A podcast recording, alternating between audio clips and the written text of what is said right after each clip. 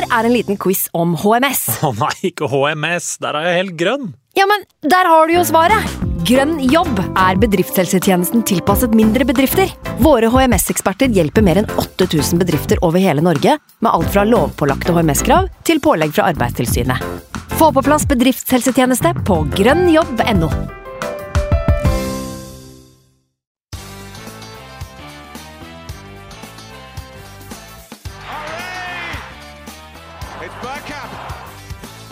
for grabs! The next station is Arsenal. Velkommen skal du være til en splitter ny episode med Arsenal Station med Magnus Johansen og meg, Simen Goffeng. I dag så skulle vi jo egentlig prate litt om Fullham-kamp. Vi tenkte vi skulle kose oss med at eh, José Mourinho har fått sparken i Tottenham. Eh, Men i går kveld, Magnus, søndag aften, så sprakk jo den eksistensielle nyheten om at uh, europeisk superliga er på trappene, og at Arsenal som en av 15 klubber uh, har planer om å bli med der. Store planer. Dette virker veldig konkret. og da måtte vi jo rett og slett eh, hive oss rundt og utsette podiinnspilling med en dag for å kunne prate om det som rett og slett får ganske mye å si for måten vi som supportere tenker, både om eh, klubben vår og om eh, sporten generelt. Det er eh, mye å ta tak i i dag, rett og slett. Ja, og du har jo i tillegg fylt rundt halv siden forrige gang på lufta. Eh, 30 år. Så på vegne av meg sjøl og sikkert alle lyttere, så må jeg si gratulerer med 30-årsdagen. Tusen hjertelig. For ei forferdelig gave du har fått. Altså, bursdagsuka, da. Jeg prøver å se på dette i litt større trekk enn kun en dag. Den var jo ganske bra ganske lenge. ikke sant? Jeg hadde bursdag på onsdag. Deilig, deilig 4-0-seier i Europaligaen på torsdag. Gleder seg til kamp. Fin helg. Søndagen er jo en praktfull dag, ikke sant. Eh, alt ligger til rette. Og så starter jo nedturen da sånn søndag formiddag i, i tredraget. Og derfra og resten av denne bursdagsuka var et helvete. Og det gjorde at man fikk en, en dårlig start på, på denne uka, rett og slett. Eh, Mm. Mye uvisse tanker, egentlig, som eh, spinner rundt i huet når du får en sånn eh, Det var vel et, en ganske sein pressemelding i går kveld, eh, altså søndag kveld. Eh, da tar du det med deg inn i drømmer og blir prega, rett og slett. da. Sover dårlig. Eh, Det stemmer. Det er mareritt-tema, egentlig. Da. Så um, jeg, måtte, jeg satt jo oppe til ett uh, i går, en time mer enn det bør, minst. Og bare for å få med meg reaksjonene, For det, den pressemeldingen fra Arsenal kom vel eh, Den kom sent. Den kom sent, Uh, og det, vi vi venta jo på, da, men den var jo like provoserende som det vi var redd for at den skulle være. En eh, kald og kynisk melding om at eh, Hei, vi driter i hva dere mener. Eh, Vi skal være med på pengegaloppen. eh, type melding, Og uten noe sitater fra verken eier eller noen andre i klubben. ikke sant? Det var eneste som sto der, var vel, var vel Arsblog som påpekte det i dag. At det var eneste som sto i den, eh, i den var at, at en sitat fra Manchester United sine, sine eiere. Ja, det var vel både de og Florentino Perez og Agnelli fra Juventus da, som hadde uttalt seg i denne felles pressemeldinga. Det var vel en copy-paste-variant omtrent eh, for alle involverte klubber. Men eh, i kjent stil så var det silent stand nok en gang. Han er åpenbart ikke like stille på bakrommene. Fy faen for en slange han eh, viser seg å være, da. Altså, du snakka litt om det tidligere her i stad. Det er jo ikke sånn at han bare har på en måte tillatt Arsenal å bli med på dette her fordi han ikke så noen annen utvei. Han har jo rett og slett vært en kreatør og vært med på å utvikle dette her. Vært med å dra det i retning av eh, ekstrem, ekstrem grådighet. Eh, det er, jeg vet ikke hvor vi skal starte, egentlig, men eh, det er, vanskelig å ikke bare gyve løs på, på han som sitter på toppen hos oss. Da. For det, jeg holder jo han nesten ene og alene ansvarlig her. Så kan du selvfølgelig si at dette er en konsekvens av hvordan fotballverden har utviklet seg over lang, lang tid. Men eh, når vi nå vet det vi vet, selv om alt ikke er bekrefta, så ser det vel ut til at det er eh, sånn at eh, Arsenal var en av klubbene Det blir kanskje feil om å bruke Arsenal som klubb. Altså Cronky var en av eierne som var med på å dra dette her skikkelig i gang. Da. Og hva, altså, at vi er kvalme og sånt, det er ikke noe tvil om. Men uh, hva, hva, tenker du om han amerikanske hæren vår, som sjelden åpner kjeften, og nå står han i ledtog for, uh, for djevelen sjøl? Nei, altså Det er jo Kvalme blir for mildt. Det er prosjektilspying, nesten, som er begrepet her. Men uh, han jeg, tilbake til det du snakka om først. Altså, hadde Arsenal vært uh, en av de klubbene som blitt invitert, at det hadde vært noen andre som hadde tatt initiativet og, og lagt uh, føringer for hvordan det skal være, så hadde jeg kanskje ikke vært så skuffa på Arsenal sine vegne. fordi at det er noe med at nå går, nå går det et tog her. skal dere være, være, med på moroa? Jeg trenger ikke å like det, men det, det, er her det skjer. Det er den ligaen her det skjer.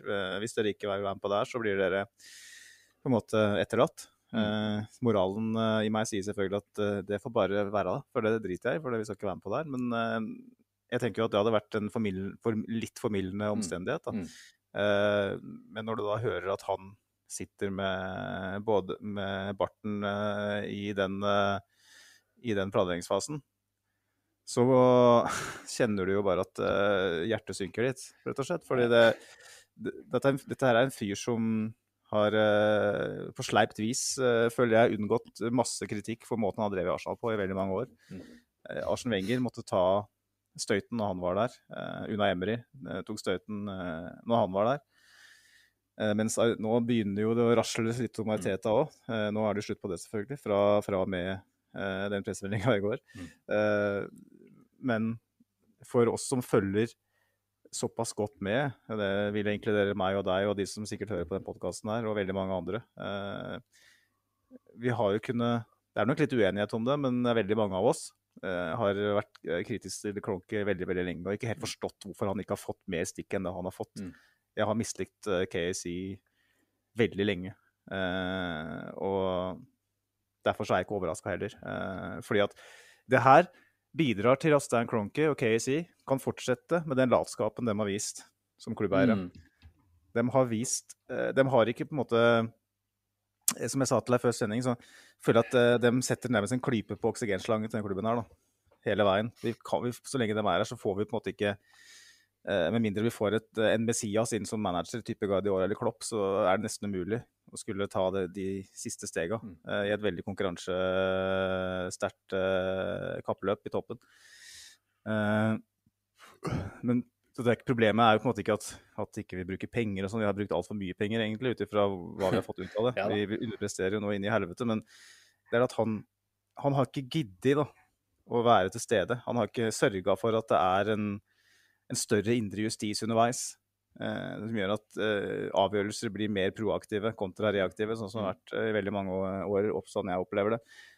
og det her er jo bare en, en gullbillett inn i en, i en, enda bedre tilværelse for han, for nå, nå vet han at klubben kommer til å generere, generere, inntekter. Nå trenger han ikke å legge noe press på klubben og, komme seg til Champions League.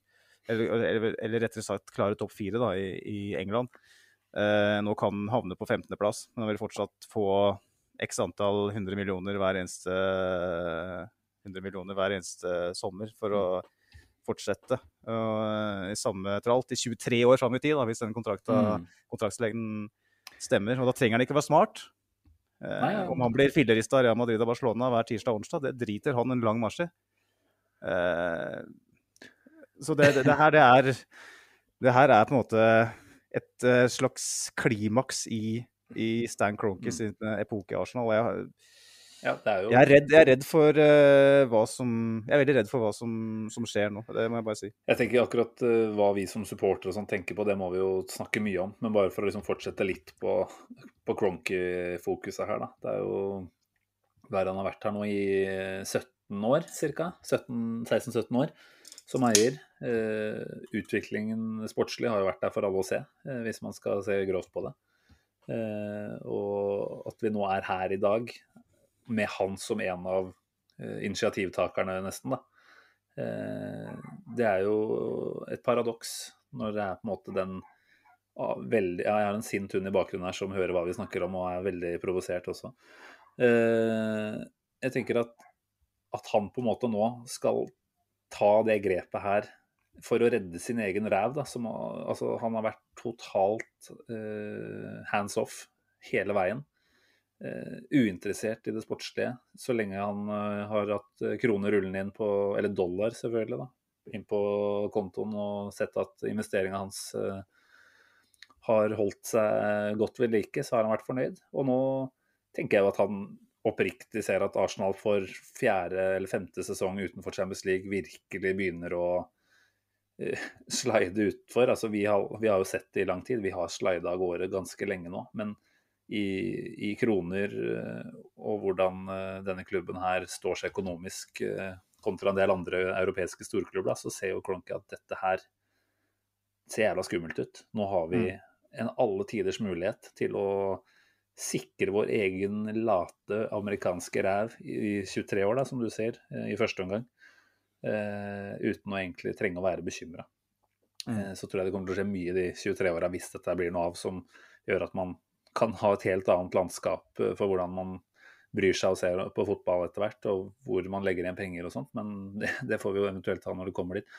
Men uh, ja, nei, jeg kjenner jeg har mange tanker i hodet som gjør at jeg ikke helt klarer å, å sortere kritikken min her. Uh, Men jeg så jo han Kave eller Cavis Soul Helco i, i, i Sky. Sky Sports Kave. Uh, han uh, hevder å ha snakka med en, uh, et styremedlem i en av de, største, en av de seks klubba her. og det som skal blitt kommunisert, at det her, det her, er ikke en vanlig krig, det er en atomkrig. for, å være, for å være ærlig så så er eierne der uh, kun for å maksimere profitt. Og, og, the wider good of the game is a secondary concern. Jeg tar det på engelsk jeg synes det er for å mm. få det litt sånn riktig gjengitt. Uh, og det her, det, kunne, det her, ser jeg fort for meg at det kunne vært Arsenal. Uh, det kunne for så vidt vært alle. Men det, det, er, det, er, nettopp det her som er greia. da. Mm. Ikke sant? De eiere her, og det, inkluderer både Grazers og Fenway Sports Group og de som er i de tre klubber vel som har vært med og, sammen med Florentino Perez og Real mm. Madrid og, og, og hva skal jeg si, har kreert det greiene her. Mm. De er, eh, de, er, de bryr seg ikke, rett og slett. Og noe annet enn uh, profitt. Og det er det er jo det vi har vi egentlig visst hele tida. Ja, det, er nettopp det, altså, det er nettopp det. Altså, grådigheten den har jo vært der i hvor mange år? Altså, 20 eh, år kan du sikkert si at det har vært eh, ja, Kanskje ikke så mye, men i hvert fall når du begynte å åpne opp for eh, eiere på den måten som, som vi gjorde, da, så har det vært uh, Glazers i United. Men, men, nå er det liksom der for all to see. Altså, nå er det ikke, nå er det ikke noen som hemmeligholder lenger at dette her er det ene fokuset som er stort. Eh, nå krysser man på en måte en grense som er såpass eh, svær at eh, dette her bare Det framstår som intet annet enn grådig. Altså, de, prøver seg jo frekke som de er på en slags argumentasjon om at dette her handler om kjærlighet til fotballen som en verdensidrett, og alle skal igjen få et utbytte av det. da. Altså Florentino Perez har jo mye svulstige og kvalmende ord i den pressemeldinga. Eh, og mange kan la seg lure av ord, for det, man har i bunn og grunn en viss tillit til at ord faktisk eh, har en eh, plass i, og en rot i virkeligheten. Da. Men mm. dette er jo så langt unna eh, the greater good for den idretten her. og ved å opprette en sånn her type lukka liga, så fjerner de jo det ene grunnprinsippet som alltid skal være i fotball og i andre sporter. Altså at det er en konkurranse. Ikke at det er en uh, prestasjonsfri uh, greie hvor du kan være så ræva du bare vil. Og allikevel så får du penger, og du får prestisje. det bryter så totalt med alt som heter grunnprinsipper i fotball. Og det er jo det jeg tenker, at mm. dette her blir uinteressant, rett og slett. Eh, på et eller annet vis, fordi det er altfor lite uh, uforutsigbart. Det blir det. Og, og det er det her eiere uh, vil i veldig stor grad. Og nå er jo, som, som tidligere nevnt, så er jo Arsenal da en av, en av de som har vært pådrivere for det. Eller jeg vil ikke si Arsenal, jeg, vil si Stan Cronky. Det er mm. viktig å skille der. Mm. Men det er jo sånn at Tottenham da, sikkert er den siste klubben som ble invitert. og Jeg, jeg gidder ikke å være med på den der, ja, men Tottenham har ikke vunnet en ligatittel siden 1961 og alt det greiene. Men det er, det er, ikke det som er poenget her i det hele tatt. Selv om jeg for så vidt ser poenget og ler litt av det, så er det ikke det som er poenget. Poenget er at sannsynligvis sam, vil samtlige av de 20 klubbeierne i Premier League takka ja til den invitasjonen til å være med på det greiene der. Det er jeg nesten sikker på. Jeg tenker sånn som Everton, da, som sikkert føler seg litt snytt nå. Som har en ganske velstående eier, og som er en klubb som satser tungt har ikke fått invitasjon. Westham, som er stormannsgale, som ligger høyt oppe nå, som har to, eh, i mine øyne, brisende eiere til tider, som driver mye rart. Eh, spesielt han eh, David Gold. Men de hadde sannsynlig altså, De hadde garantert takka ja til å være med på det her, da. Eh, og det er det, her problemet ligger. Eh, jeg vet ikke om vi skal ta den diskusjonen eh, nå, Simen, men hvem er det som egentlig sitter med, med, skylda for at vi har kommet hit vi er i dag. Vi kan godt si Stan Cronky og Florentino Perez og sånn, men den organisasjonen som går hardest ut mot det her, er kanskje de, de som skal sitte med brorbladene og skylda, det er Uefa. Enig. For de har tillatt at, uh, at, klubber kan bli kjøpt opp, og FA til dels også, i, England selvfølgelig. For vi snakker jo fra et eh, perspektiv av engelsk fotball. Uh, som har tillatt at de eiere her har kommet inn i klubben nesten null regel. Bare pump masse milliarder inn i klubba. Vi gir faen. Bruk penger fra det sovjetiske statsbudsjettet. Bruk penger fra u-land som kunne vært brukt til å fjerne forskjellene der. Eh, hvor folk lever i ekstrem fattigdom og bygger stadioner og stryker med for at det skal spilles fotball-VM. Bruk, bruk, de penga, det driter vi Og når, de, nå, nå sitter de på sin høye hest og sier at det her går ikke an. Altså, ja, nei, det, det, blir jo helt feil, det òg, ikke sant? Altså, det, det er jo det er noe med at de har sittet og sett på at de eierne her har fått mer og mer makt fordi at det har gagna dem veldig. Mm. Eh, og nå har eiere på en måte vokst fra Uefa på et vis. Nå har Uefa blitt for lite for dem. Eh, nå får ikke dem nok fordeler via Uefa. Så nå bryter de ut og eh, skaper sin egen organisasjon. Mm. Hvis det hadde vært altså vet ikke hva du tenker, Simen. Altså, hvis, hvis det går tilbake til 2003, ja, da, når Roman, er, 2002, når Roman Abramovic kjøpte Chelsea og tok fullstendig av og brukte altså, på den, altså Hvis du tenker sånn eh, hvor mye han brukte på den tida ut ifra hva, hva spillere var verdt. Mm. Eh, så det var jo helt jeg har ikke ja, det, sett en det på det. uh, hvis du tenker prosentvis uh, pengebruk uh, kontra disse. Altså, I dag så ser noen av de summene beskjedne ut, som, som, du sa tidligere i stad. Men, mm. Men, den gang da, altså for 19 år tilbake, så var det jo en karusell som var allerede da i ferd med å gå helt amok, ikke sant. spøy rundt seg med rubler.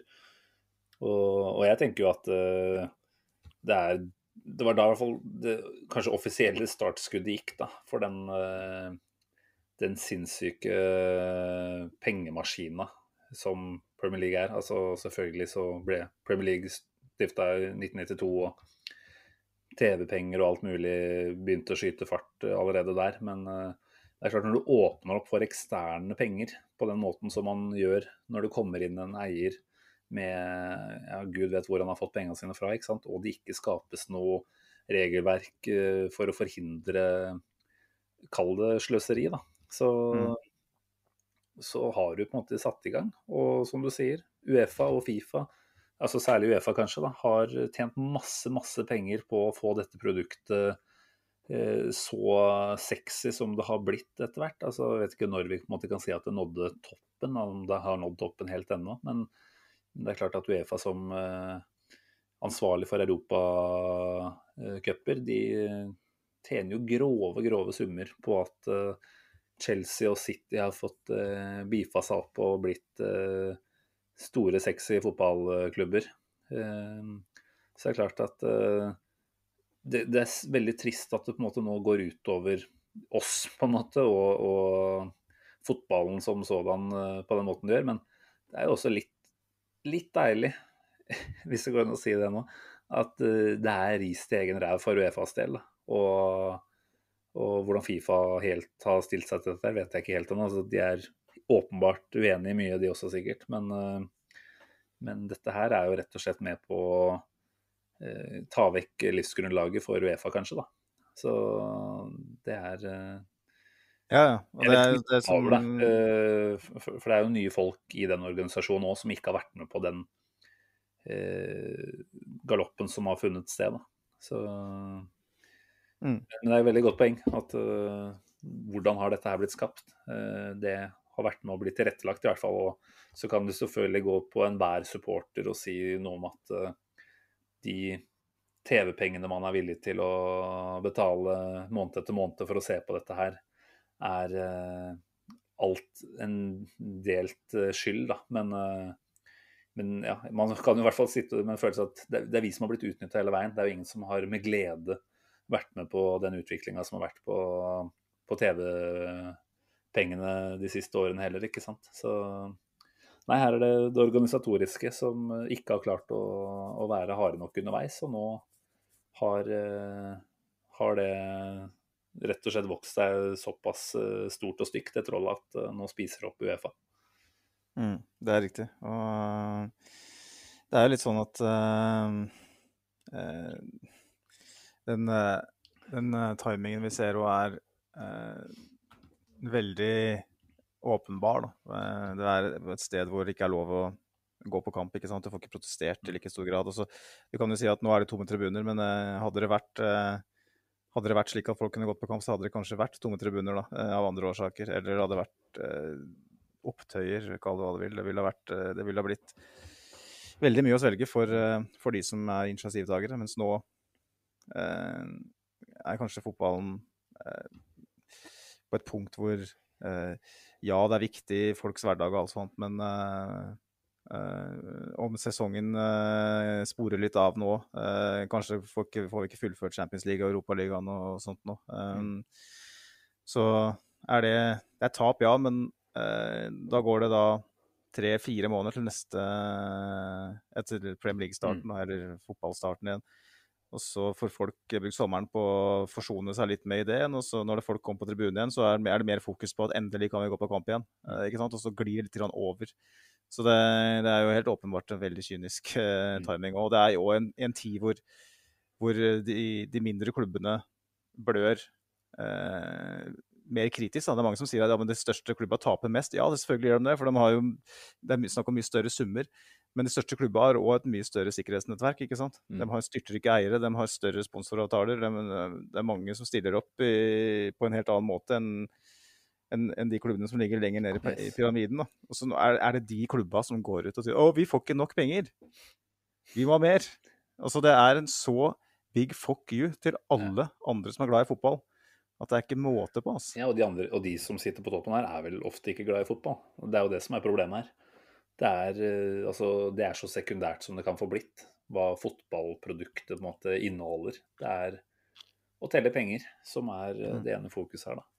Um, ja, nei, jeg vet ikke helt uh, hvor man på en måte skal gå videre herfra. Jeg bare nevner her nå i forbifarten, selv om vi kanskje skal innom det litt videre her, hva det har å si for, uh, for uh, årets uh, europacuputgaver. Uh, Uefa har vel da i, i, kveld sagt at de kommer til å ta en avgjørelse i løpet av de neste dagene etter å ha utforska det her med det juridiske teamet sitt. da og mm. det de ønsker. Og det han Alexander Seferin, Uefa-presidenten, sa tidligere i dag, var at han ønsker at disse skal eh, settes ut av turneringen. Noe som da i europaligasammenheng betyr at det blir to lag igjen, og det er Villarreal og Roma. Mens i Champions League så er det da kun PSG som sitter igjen, uten å ha blitt banna.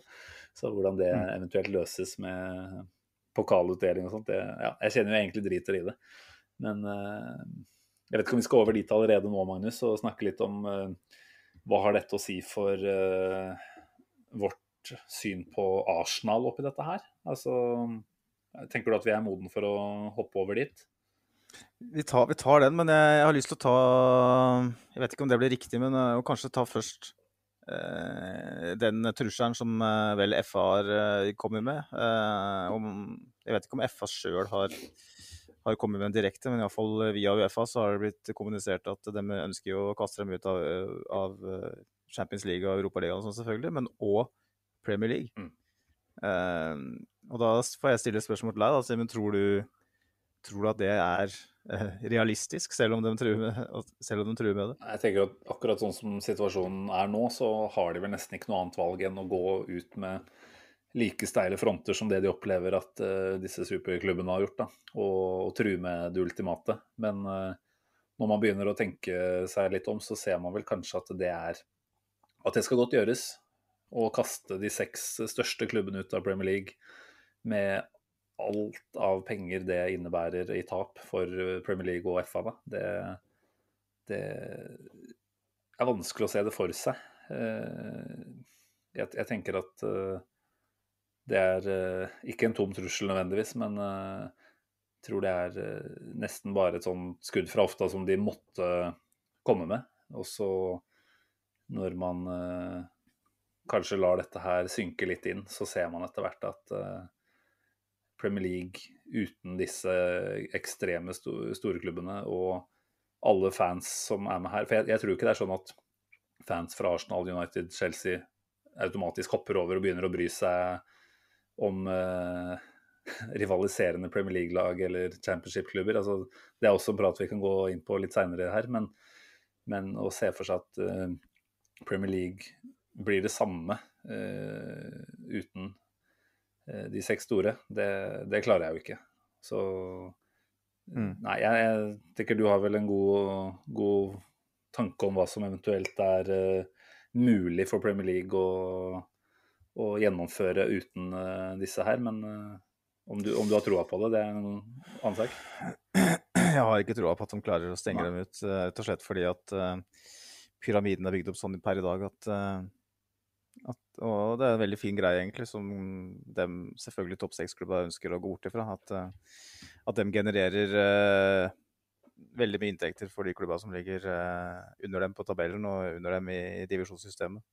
ved å fjerne dem, så fjerner du inntektsgrunnlaget for veldig mange flere. Mm. ved, å, fjerne, ved å, å, lage en sånn type lokka europeisk eliteturnering, hvor kanskje maks ett engelsk lag eh, utenom får lov til å være med en gang iblant, uh, gjør at, uh, at hele underholdningsverdien med ligaen forsvinner, uh, selv uten at Selv med de lagene, for så vidt, men spesielt hvis de ikke er der.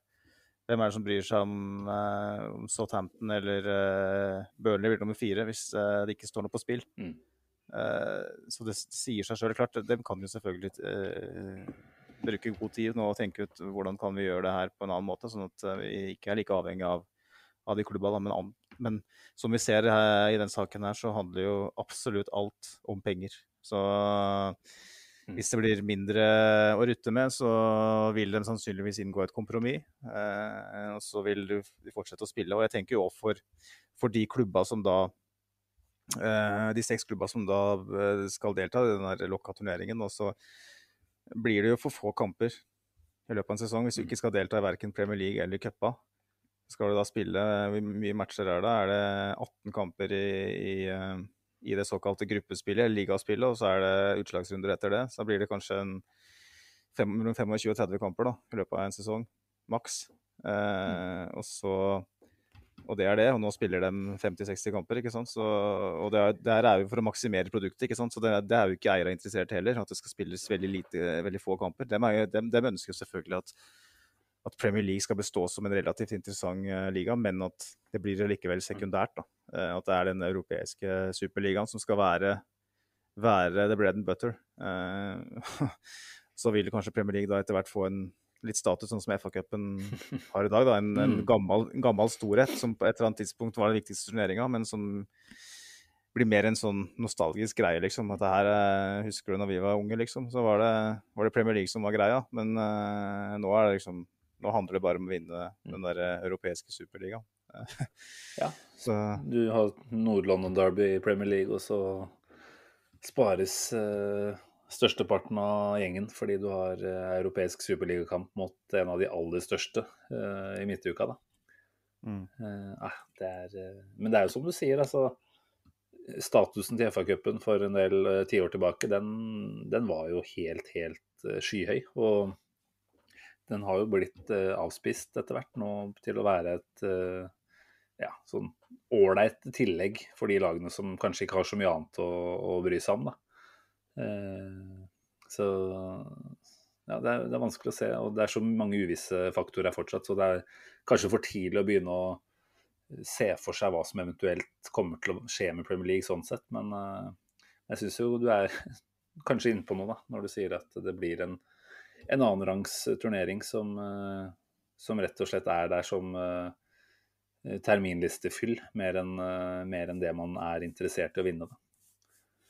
Ja. Og det er jo det er. Eh, når den der pressemeldinga eh, Ikke pressemeldinga, men når den der, de ryktene begynte å oppstå på Twitter i, i går, så, så virka det som nærmest som eh, I hvert fall sånn jeg tolka det, at, at de klubba de skulle ikke bare bryte, bryte, ut av Champions League, de skulle bryte ut av Premier League òg. Så de skulle bare spille i denne Locca-turneringen hele sesongen. Det skulle være 20 lag. Det var mange spekulasjoner ikke sant? Så tenkte på det tidspunktet. Så tenkte jeg bare det her, det, det går jo ikke an.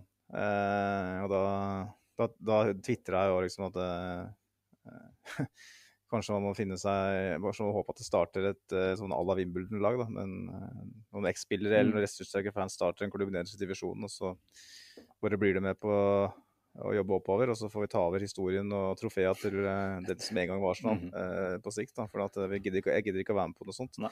Hvis, så blir det noe annet selvfølgelig hvis Arsenal er med i Premier League, selv om det, blir noe selv om det fortsatt er sånn at vi er nødt til å ta et standpunkt uh, på et eller annet tidspunkt om det er noe jeg har lyst til, mm. lyst til å være med på. Uh, og jeg er selvfølgelig uh, dypt indignert og forbanna på hele greia. men vi får se. Det er liksom sånn Vi bytter ut Champions League da, med en annen europeisk turnering. så Premier League kunne bestått litt sånn som det er i dag, så ville jo det vært litt mer spiselig, da, men det er uansett så kvalmt og, og, og feil på alle måter at, uh, at nesten uansett så, så, vil, så vil, hele produktet forringes da, mm. fra, fra, oss som er, da er vel beskrevet som legacy-fans av, uh, Jeg vet ikke hvem som sa det, men det var, det var vel en høytstående ansatt i en av klubbene som sa det at Uh, de jakta nye, neste generasjon fans. At, oh, ja. at, vi som følger med i dag, vi er legacy-fans.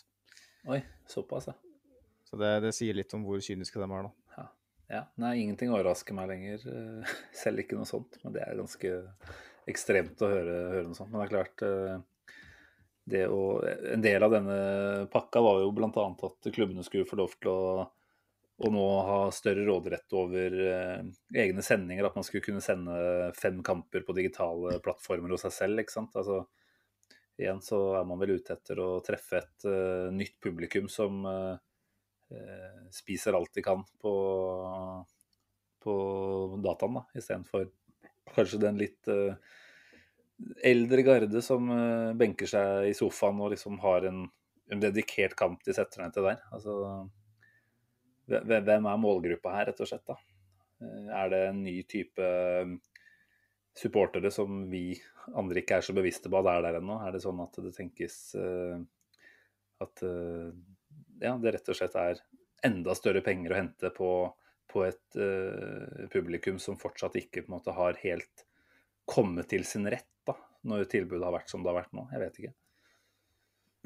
Nei, jeg, jeg, jeg, tror, jeg tror jo da selvfølgelig tenker de tenker bare penger, ikke sant. Eh, de bryr seg på en måte ikke Så lenge det er penger i, i kassa, så bryr de seg ikke. Men mm. det, for, å, for, å, få penger i kassa, så, så, må det jo genereres en stor, stor uh, interesse for det. Og det som er litt interessant, er jo at vi har jo hele veien uh, de senere åra uh, fått høre ymse forslag om at, at Premier League skal, en Premier League-runde i året skal spilles annet, på et annet kontinent. og sånn, ikke sant? At mm. den skal spilles i en kamp i Asia, en kamp i USA eller et eller annet. liksom, sånn at, at du får uh, en mer global uh, tilnærming til det. da. Så hørte jeg på en, uh, en, en podkast med amerikanske Premier League-aktører, eller Premier League-fans, for så vidt, tidligere i dag. og de sa liksom det at i USA, da. Der var liksom Champions League det var, ikke, det var ikke så veldig viktig for dem. Det var liksom Premier League som, ja. som var greia. Og det, det, har noe med kamptidspunkt å gjøre. For når ja. klokka, på en tirsdag og onsdag er det kampstart for dem. Det er i hvert fall der de bodde i, i staten. Og så var det sånn klokka tre på ettermiddagen, liksom.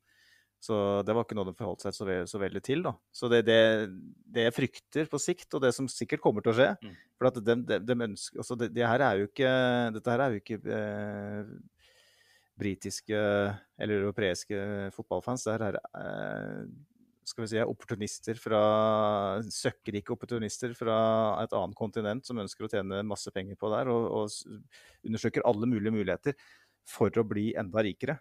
For det er det eneste som betyr noe for dem. Så da tenker du at, at Premier League kan gjerne bli et sånn omreisende sirkus hvor du ikke lenger har ei hjemmebane. Du spiller én kamp i Asia, så spiller du USA, så spiller du Europa, ikke sant? og så spiller du på en måte masse steder. Og så, spiller, så er det en kampstart klokka seks om morgenen for oss. Kanskje mm. en brite må opp klokka seks for å se den engelske klubben spille en fotballkamp. En engelsk fotballklubb skal spille klokka seks på en lørdagsmorgen fordi at uh, kampen går i Asia. Det er, dit, det er dit de ønsker å gå. Mm. Det er ikke noe vits. Altså, vi, vi sa fremdeles at det er Europa, den superligaen. Det kommer ikke til å skje. Nå skjer det. Mm. Altså Alt det her kommer til å skje så lenge det er et marked for det. Wenger eh, sa vel i 2009, har vi sett noen uh, sitater, da, at dette her var noe han anså som uh, at sannsynlig var på plass i løpet av ti år. Han bomma jo ikke grovt, for å si det sånn. Den lille trøsten der får jo være at han har vel kommet med en ny uttalelse i dag hvor han sier at han personlig tror ikke at Superligaen blir noe av.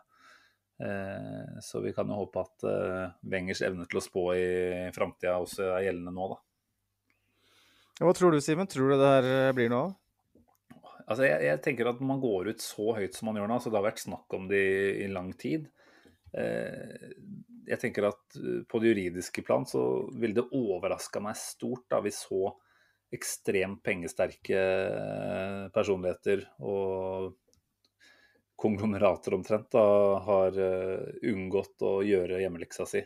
Så, så, det er klart, om dette her blir prøvd for uh, KASS, altså idrettens uh, voldgiftsrett, voldgiftsrett ja. stemmer. Så, så, tenker jeg jo at det, det, er jo kanskje litt opp til hver enkelt uh, dommer i en sak der òg, da. Men, men at uh, de på en måte har det juridiske ganske vanntett, det, det ville jeg jo trodd. Og mm. det er jo ekstremt høyt spill da, å gå ut med dette her, for du ser jo hvordan den gjengse oppfatning er her ute nå. Altså, det er jo ikke bare rivaliserende klubber som tenker at dette er høl i huet. Det er jo omtrent 100% av alle supporterskarer eh, til disse 15 superligaklubbene er jo ute og slakter ideen, så vidt jeg har fått med meg i hvert fall. Så du fiendtliggjør deg jo noe grassat. og og du skal ha jæsklig De visste jo åpenbart at dette kom til å sette et sjokk i fotballverden. Og du skal være ganske Ha god tro da, på den eh, planen du utfører eh, når du vet at du må stå gjennom noe sånt. Fordi eh, altså, det, ville overraske meg veldig igjen hvis de ikke hadde planlagt for denne her type reaksjon. Hvis de bare ikke er så totalt i utakt med vanlige folk, da, for å si det sånn. Eh, at de faktisk ikke har eh, hatt, eh, hatt, det fokuset i det hele tatt. Men kommer det til å skje? Ja, til en viss grad, tenker jeg vel man må begynne å tippe nå. Da. Så nå vet vi jo at mm. dette her altså Du snakka om timing i stad. Champions Leagues nye format ble offentliggjort tidligere i dag. Jeg husker ikke helt detaljene der, men det var jo i hvert fall et format som i litt større grad, altså i enda litt større grad enn nå, hvordan det er nå, eh, favoriserer de største klubbene, som skaper enda mer garantier eh, for, eh, for stabil deltakelse, da, for å si det sånn. Mm. Uh, og det var ikke godt nok, åpenbart, til at uh, disse 15 uh, har latt seg friste. Så det er klart, det er et, sikkert et slags spill, dette her òg, hvor man går ut ekstremt høyt. da.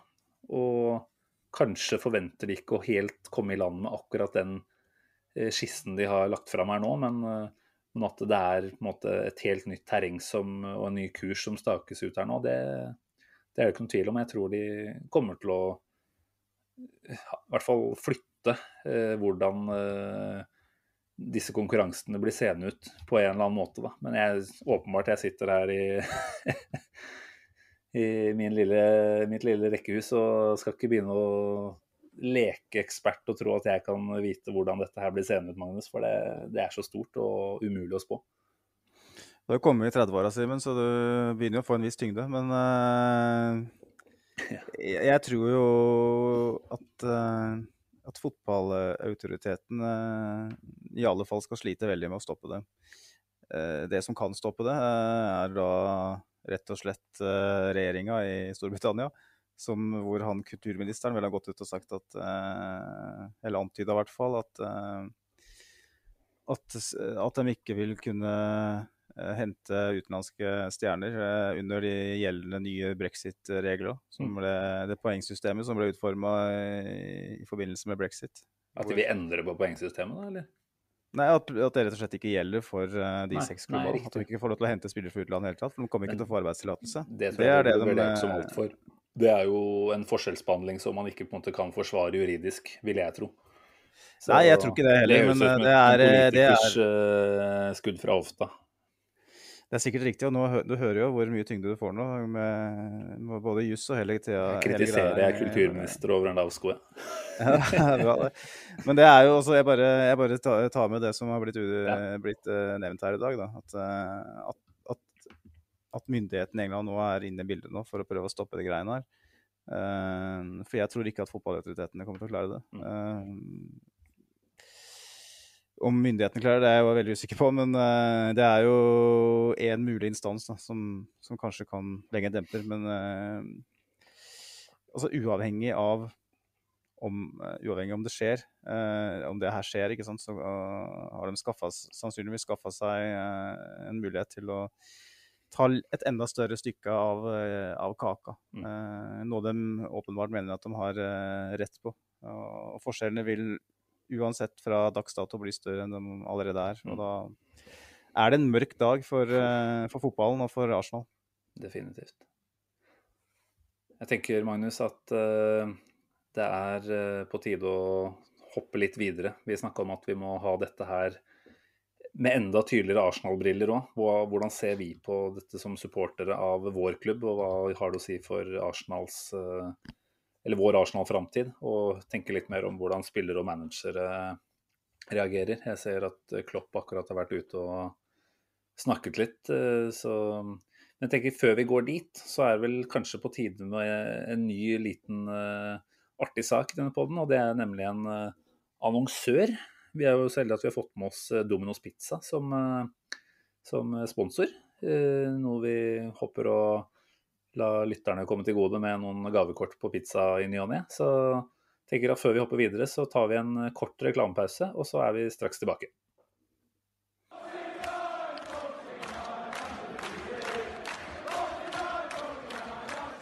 Wall Trafford 24.10.2004. Arsenal ranes på høylys dag og går glipp av muligheten for ligakamp nummer 50 på rad uten tap. I tunnelen etter kamp går det hardt for seg, og et spansk supertalent tar på seg jobben som pizzabud og serverer en feit slice i fjeset på den legendariske manageren. God pizza kan serveres på flere måter. Vi i Arsenal Station foretrekker å få den levert rykende fersk på døra fra Dominos.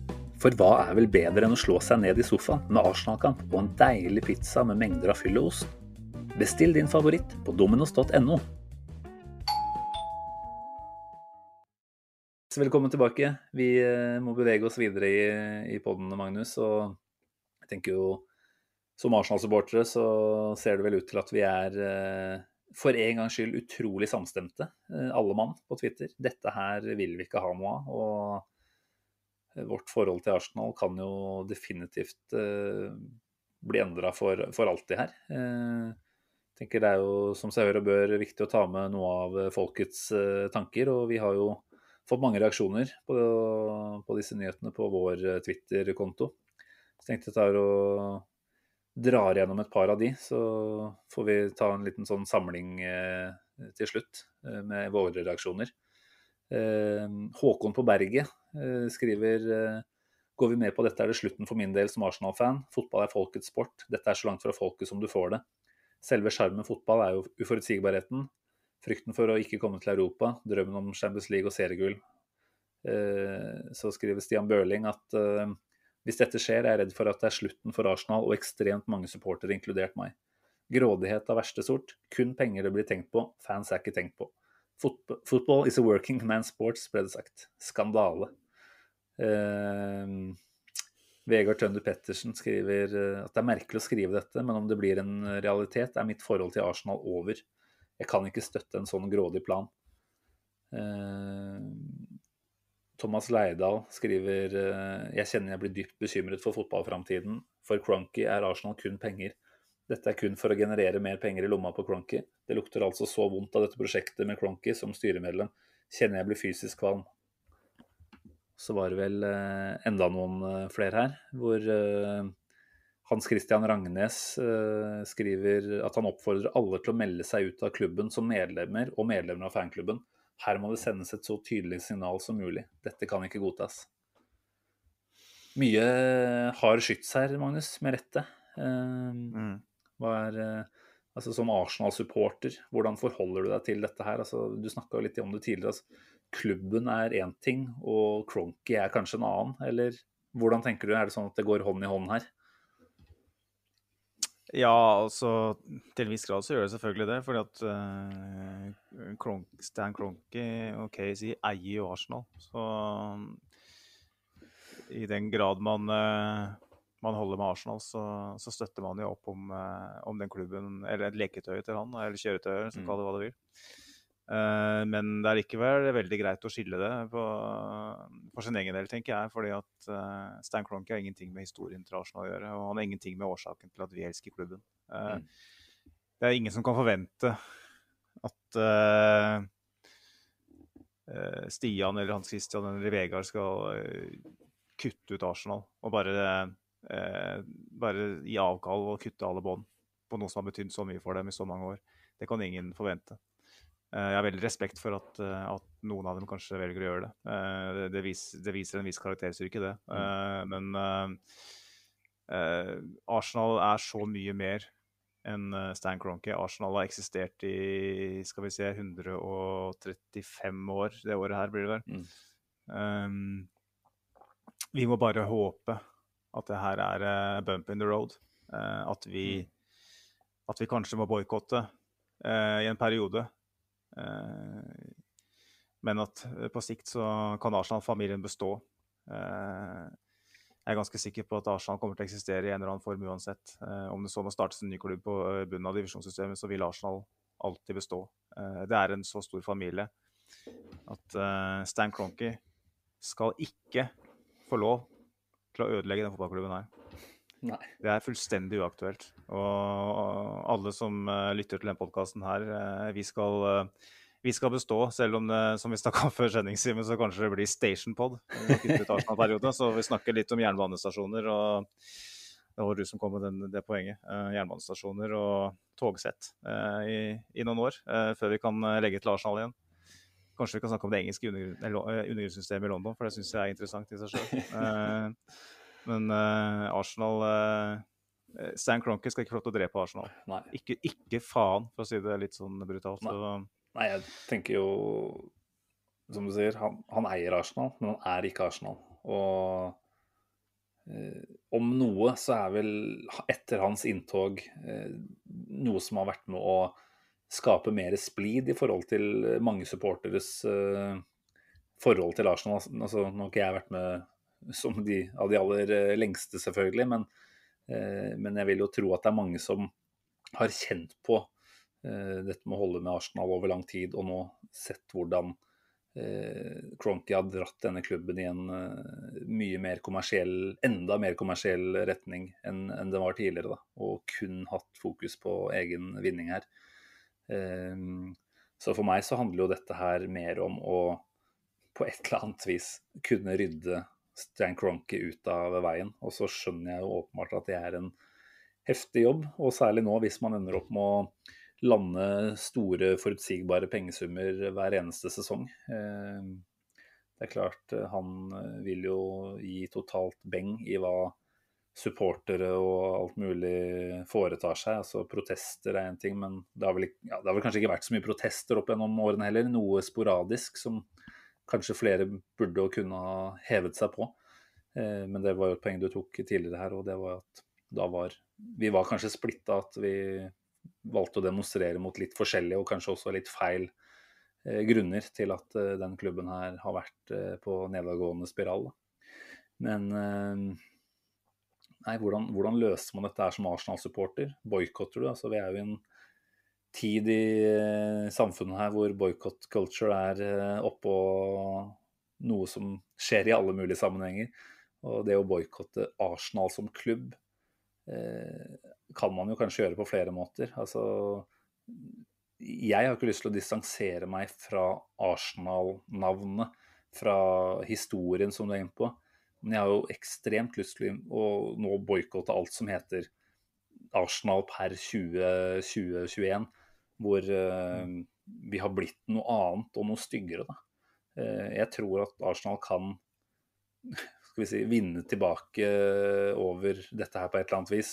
Det er jo sikkert håpløst romantisk av meg å tro, uh, med tanke på at fotballverden ser slik ut den gjør. Men, men at på et eller annet vis så skulle man kunne klart å brenne opp det hele dritten her og, og røyke ut Stan Cronky Sørge for at han blør så mye penger at dette her ikke er levelig for han lenger. Um, altså Å kjøpe fotballdrakt uh, til neste sesong, det, det, kommer jeg ikke til å gjøre. Altså, jo, det kommer jeg til å gjøre, og det er fordi vi har en uh, fantasy-konkurranse som vi har lovt bort en uh, drakt til vinneren. Så synd, for så vidt. Det blir en, eh, det blir en sånn konduktøruniform? Vi har sånn station på det. men, men, altså, jeg kan få si her og nå, altså. Og det, det, merker jeg er et lite offer allerede der. Jeg kommer ikke til å kjøpe en ny Arsenal-drakt så lenge Stan Cronky er eier. Om det da er snakk om 20 år, så kjenner jeg at uh, jeg har nok. Jeg har mange fine Arsenal-drakter. Jeg trenger ikke flere. Jeg vokser. Jeg blir kanskje litt feitere de neste åra, så sånn sett så trenger jeg nok noen nye størrelser. Men da, da, ordner jeg meg på et eller annet annet vis. Jeg har ikke lyst til å være med å støtte det jævelskapet her med en eneste krone. Og det er vel det som er problemet, at dette er småpenger også for Cronky i den store sammenheng. Altså, han kommer til å få det han trenger, eh, nå særlig da med Superleague, hvis det blir noe av det. Mm. Men eh, jeg, jeg, klarer liksom ikke å gi slipp på Arsenal som klubb. Jeg, jeg, jeg, kan sette det på pause kanskje litt, på et eller annet vis. Altså, jeg kommer ikke til å uh, Jeg vet ikke. Kommer ikke til å bry, bry, meg noe mindre så lenge de er på TV og, og, og, jeg ender opp med å sitte og se på det, ikke sant. Men, uh, men uh, det å liksom aktivt være med og bidra til dette her, det er jo noe man har tenkt på tidligere, og at man, man burde bare unngå å spytte inn en eneste krone. Men, eh, men, nå skal jeg i hvert fall på alt som heter merch og fotballdrakter og sånt, sørge for at det faktisk eh, blir en, eh, en ny eh, tilnærming fra min side. Og så får man eventuelt, hvis det går helt skeis dette her og bare blir en, en sånn evigvarende greie, så finner jeg meg et nytt lag, da. Da blir det Forest Green Rovers. Selv om vi, vi kan ta en liten gjennomgang. Vi har fått noen spørsmål om det også, hva folk eh, ønsker. Men nei, jeg, jeg klarer ikke, Magnus, å liksom bestemme meg for helt uh, hva, jeg, hva, jeg, lander på her. Jeg tenker at Arsenal er på en måte et uh, offer for Stan Cronky, da, mer enn uh, og, og, vi har jo selvfølgelig som Det har vært mange avgjørelser som har blitt tatt opp gjennom årene fra små og store aksjonærer, eller særlig de store aksjonærene, da, som solgte frivillig til Cronky, som gjorde at dette her ble mulig. Det har jo vært mange som har advart i, i lang tid om hva for en type person man har med å gjøre her. Uh, uten at mm. det på en måte ble lyttet uh, nok til. Uh, nei, hva, hva, tenker du? Nei, altså Peter Hillwood han sa vel at 'we don't want your sort' før, før salget var et faktum. Det var vel eh, eh, flere som solgte til Klonke, og etter hvert veldig mange som solgte til Klonke, som gjorde at han er blitt eneeier. Eh, jeg skal ikke ta den historien nå, men eh, det var vel Det er jo snakk om Det var vel han Danny Fitzman blant annet, som, mm. er, som er jo en relativt stor figur i Arsenal-historien ut ifra da han var involvert i Emirates-byggingen og sånn, hvis jeg ikke tar feil. Så jeg tror ikke han visste helt hva han bega seg ut på der. Uh, var nok med beste mening. Uh, men når det gjelder det å det å Hva skal jeg si? Ja? eh, stake ut en kurs videre for hvordan man skal forholde seg til supportergjerningen, så, Så er det jo sånn som eh, Erlend Markussen skriver jo da 'kom gjerne med forslag til klubber', da, på han skal. Men jeg, jeg lytter jo mer til Vegard eh, Paludan Helland, da, som skriver 'hvordan skal man forholde seg til det'? Hva skal man drikke for å holde ut? Og da kan jeg svare abs eh, absint. Er det ikke sånn, er det ikke sånn at du blir litt sånn hallusinerende da? Så kanskje, kanskje du kan uh, bruke litt sånn tidsmaskinsperspektiv på det og reise litt, uh, litt, tilbake i tid og late som du er uh, tilbake i 2004 på Highbury. Og bare satse på at det går over. Eh, så jeg skal ikke oppfordre folk til å drikke absint. Jeg har ikke prøvd det sjøl engang. Men det er bare Det å skulle finne seg en ny klubb, det er eh, det blir for drøyt for meg. Eh, jeg holdt jo halvveis med Hansa Rostock en gang i tida. Jeg vet ikke hvorfor. Jeg syns det var kult at de alltid holdt plassen. Jeg følte på tekst-TV. Sånn, litt sånn Southampton i Premier League. De holdt med plass med død og neppe flere år på rad. Så har de Hansa i navnet. Ja, jeg tenkte jo at det måtte ha noe med det å gjøre, jeg, da. Det er mer i senere tid, selvfølgelig. Jeg drakk ikke så mye øl da jeg var 12-13 år gammel. Men uh, ikke, my, ikke, ikke, veldig mye, i hvert fall. Så det er kanskje det jeg ville ha gjort. Men uh, sånn seriøst sett så tenker jeg at hvis, hvis det ender med at Arsenal eh, kun spiller en sånn europeisk superliga, ikke er med i Premier League, mm. ikke spiller de der du ikke kan reise til England og sitte på toget opp til Newcastle eller uh, til, til, Birmingham eller ned til, ned til, Southampton og se fotball. Du ikke kan reise over på ei langhelg og få med deg et par matcher, bortekamper og litt sånn.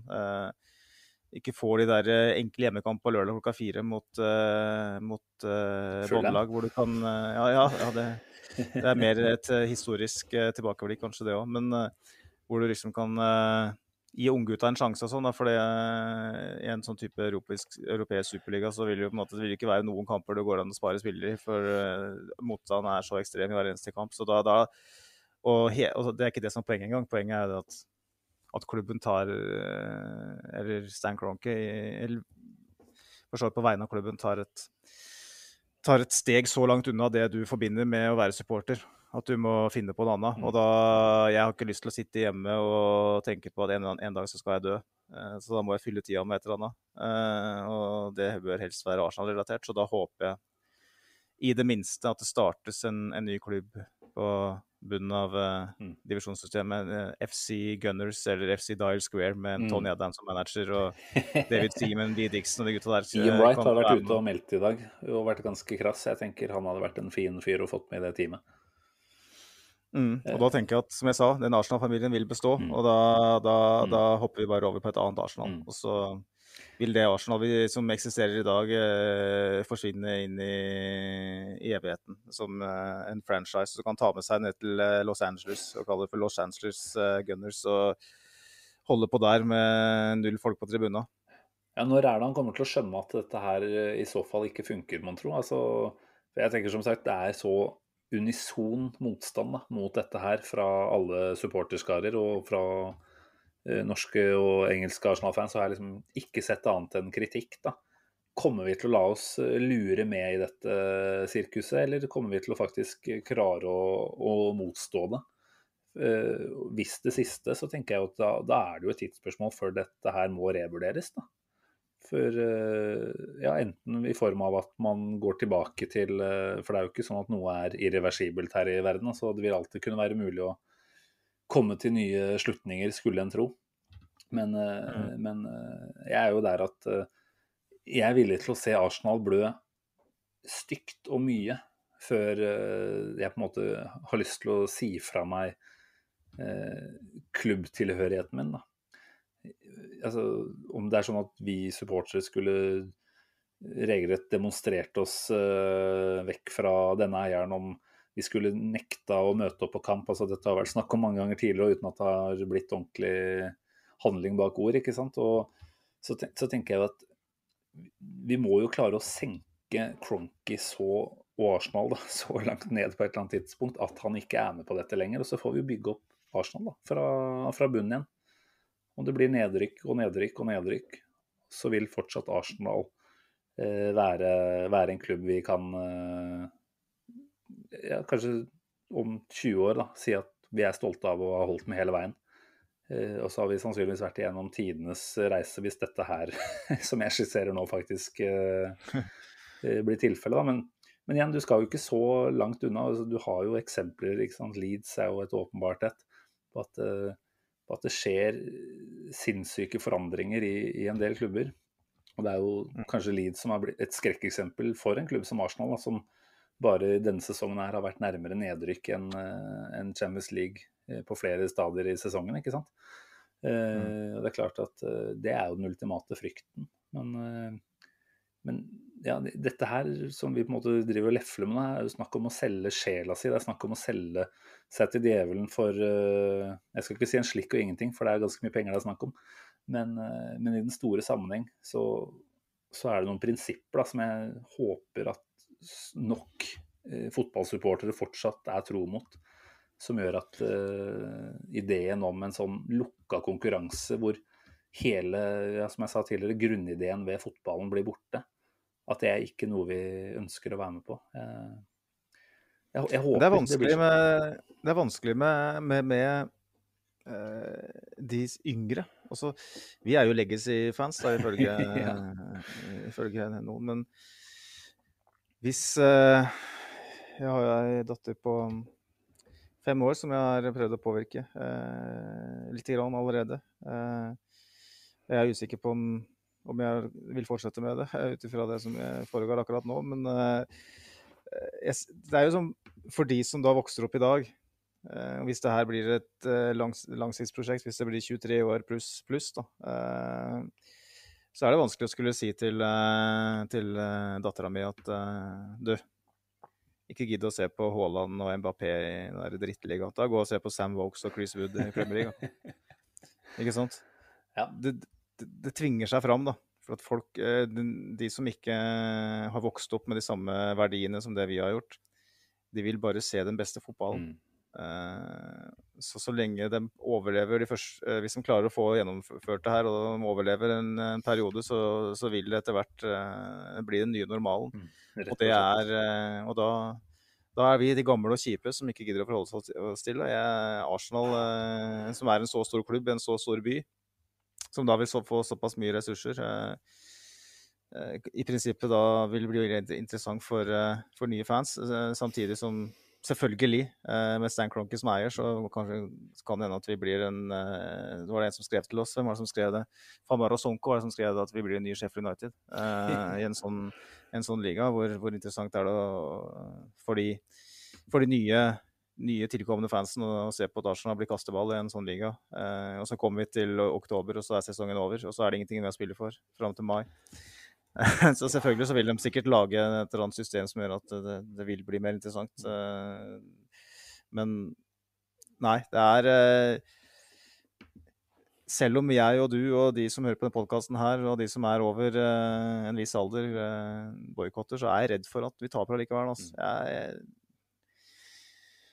med mindre, med mindre, vi klarer å skape en litt kort, mer kortsiktig effekt da, mm. innenfor et par-tre år. Og så. da snakker vi om denne timinga som du var inne på her i stad. Så hvordan verden ser ut per i dag, tillater ikke høye stemmer. Jeg ser at det har vært litt eh, smådemonstrasjoner før Liverpool-kampen her i dag. Men eh, det er, det er jo kynismen eh, satt i system da, når man velger en koronaverden til å, til å uh, få dette her litt opp og gå, kanskje. da. Hvor uh, det kommer til å være svært begrensa med, med, rom og muligheter for å uttrykke seg på en måte på en Altså ja, vi har sosiale medier, men uh, jeg tror ikke Stan Cronk er der heller. Så nei, jeg, tror nok du har rett. Vi, vi, mennesker lar oss friste. og God fotball, underholdning, det, det, er jo det mange bare er ute etter å, å få. Og da, da kan det hende at eh, noen andre verdier kommer i andre rekke og ikke er så viktig lenger. Mm. Følte meg veldig gammel nå, og det er ikke bare fordi jeg da har blitt 30. Driver og forfekter sånne, sånn god moral på den måten her. Eh, ja, nei eh, Apropos dette med boikott og sånn, jeg ser jo også at eh, i hvert fall én av de som Det er vel eh, She Wore Yellow Ribbon-bannere som eh, er på Emirates, har vel eh, eierne, eller de som har utplassert det der, eh, krevd å få tatt det ned før hjemmekamp mot Everton på fredag. Så klart, sånne type synlige markeringer. En vil jo i hvert fall uh, kommunisere noe ganske klart og tydelig, da. Og, mm. og jeg tror ikke egentlig spiller og manager er så uenig. Det er kanskje stikkordet for å hoppe videre på, på den biten òg, Magnus. For det, jeg nevnte det tidligere her at uh, Klopp har jo vært ute og snakka ganske tydelig, eh, beundringsverdig ærlig egentlig, eh, med tanke på den posisjonen han er i. Altså trene for en av klubbene som har vært med å dra dette her i gang, da, hvis man skal tro rapportene. Eh, han har jo tidligere vært veldig uttalt motstander mot en sånn type superliga, og ble jo spurt om dette her nå før Liverpools kamp mot Leicester mandag kveld. og han bekrefter jo at meningen ikke har endra seg. altså Han hørte for første gang om disse planene i går. Vi fikk litt informasjon, men ikke mye. Eh, han sier at det er vanskelig, og folk er ikke glade for det. Eh, og fortsetter med å si at de har ikke vært involvert i noen av prosessene, verken spillerne eller meg. Eh, han sier videre at han har alltid drømt om å være med i Champions League, og har åpenbart ingen problemer med Champions League. Hva kan jeg si? Det er virkelig ikke lett. Den viktigste delen av fotballen er supporterne og laget, og vi må sørge for at det ikke er noe som kommer imellom dem. Mm. Eh, og, og, så tydelig så tidlig også, ikke sant. Eh, klare å komme med det, tenker jeg er eh, Det er sterke saker. For, og det er faktisk akkurat den type utsagn som kanskje kan være med å påvirke dette her i en grad. da. For jeg regner med at det er mange trenere og spillere som nå nesten føler seg litt forplikta ut ifra hvem de får lønna si fra, og holde kjeft. Men Klopp, som er en frittalende fyr, han eh, benytter iallfall muligheten til å, til, til å si noe. Hva, hva, tenker du litt mer generelt om, eh, om hvordan spillere og trenere ser på dette her, egentlig? Nei, jeg, jeg, jeg hadde jo nesten trodd Klopp skulle være enda mer tydelig, da, men jeg syns allikevel at han sier eh, ting veldig bra. Uh, han klarer å være politisk, men han går jo på en måte ut imot sin egen arbeidsgiver i FS, FSG. Um, men uh, ja, nei Det har jo sikkert blitt kommunisert ganske tydelig fra klubb, klubb, klubbene at det ikke skal ut og melde noe i sosiale medier nå. Mm. Uh, ikke, for det, det, er, jo tross alt snakk om ganske mange spillere der til sammen. så ser du spillere i andre klubber eh, som ikke er involvert i det her, melder ting. Så eh, klart, de, de, de, holder jo sikkert på med å fordøye det litt. Grann, mm. eh, og, og, søker mer informasjon, sånn som, sånn som vi gjør. Eh, så, men det som er på en måte det, det triste oppi der, eh, syns jeg da, er at det Klopp han blir jo da grilla nå. ikke sant? Og det samme vil Arteta bli på, på, torsdag, er det vel, når han skal ha pressekonferanse. Ja. mens, uh, mens, de som er uh, initiativtakere til det her, de sier ikke en dritt. Mm. Uh, fordi at de vet at, eh, at, forslaget deres er fullstendig Kommer til å bli tatt i, ikke bli tatt i god jord av, av de som er kunder av det. For det er jo det vi er, vi er kunder. Mm. Og kanskje til og med da eh, de som jobber i klubba, vil eh, være sterkt imot det i mange tilfeller. Ja. Så de velger da bare å holde kjeft. Og lar, lar på en måte overreaksjonen legge seg før de, før de uttaler seg. Eh, og da på klassisk Cronky-vis i Arsenal så, så, er det en, en, hovedtrener eller manager som må, må stå til rette mm. for det. Uh, og jeg tenker jo at Arteta, som er vår uh, Manager er jo en, en, en, mann med mye integritet, sånn jeg opplever mm. han. Uh, samtidig så er han i sin første jobb. Uh, han er Prestasjonene hans som trener denne sesongen her har vært uh, altså, jeg, jeg, liker jo Teta, jeg har troa på han, men det har jo ikke vært bra nok. I serien spesielt. så spørsmålet er på en måte hvor mye han føler at han kan gå imot sine egne, sånn sett. Mm. Tør å, jeg håper jo at han tør å ta det klonket midt imot eh, når han har fått nok informasjon om det. Han har vel, han har vel så vidt sagt noe i dag eh, via noen medier om at han ikke, verken han eller spillere eh, helt har hatt noe form for befatning om det her, så de er, ikke helt, de er ikke helt klare for å uttale seg om det. Men jeg håper at Mikkel Arteta tør å si litt på torsdag. Uh, og om en ikke gjør det, så kommer jeg ikke til å ha noen problemer med det heller. Men uh, det er klart at det her, det, som vi snakka om innledningsvis i podkasten her, så Det her er uh, en 12 eh, ja, 12 til 15 eh, eierskapsstrukturer som eh, helst vil kjøpe seg eh, Kjøpe seg mest mulig bartevoks og jakte mest på sånne trof trofédyr. Eh, og mest kun opptatt av egen økonomisk vinning har eh, null forståelse av eh, hva fotball i England og Spania og Italia betyr for, for fansen, som er som er eh, rett og slett blodet i årene til, til fotballen. Så eh, jeg er veldig spent på Jeg syns det er vanskelig å uttale meg om det. Jeg er veldig spent på For det er ikke noe presedens her. ikke sant? Jeg er veldig spent på hva de sier Mm. på sikt her. Om det er noen som tør å ta til skikkelig motmæle, og som eh, til og med kanskje sier at sorry, det her vil jeg ikke være med på. Det hadde jo vært jævlig deilig, men eh, ja, det er klart det er store lønninger å, å gi avkall på. Jo, da, men håpet mitt eh, for at noe sånt faktisk kan skje, går jo på at de sannsynligvis nå ikke har vært underretta underveis. da. Altså, ja, Alle har visst om at dette kan være en mulighet på et eller annet tidspunkt, men eh, at vi på en måte blir totalt overkjørt her. da. Det er tross alt eh, Det er jo konkurransemennesker eh, man snakker om her. altså som André Rera var ute og skrev på Twitter. altså han som liten gutt hadde noen drømmer, ikke sant. Og det er noe med hva gjør en sånn her type omlegging med muligheten til å drømme? Altså mister du på en måte troa på at de små kan få til noe helt eh, eksepsjonelt, da. Du gjør jo egentlig det, fordi det er jo så systematisert dette her med at det er de store som skal få både forbli store og bli enda større.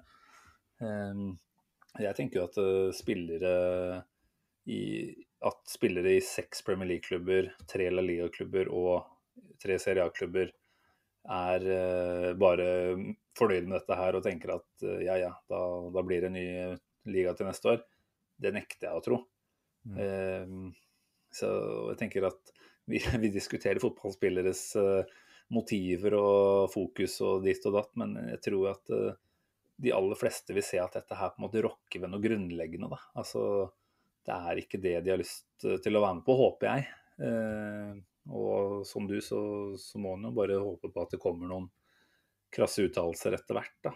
Eh, spennende å se, for altså, vi kan snakke om at vi som supportere har muligheten til å boikotte, men det kan jo spillerne gjøre på et eller annet vis. Og det blir jo interessant å se nå om halvannen uke mot uh, Via Real.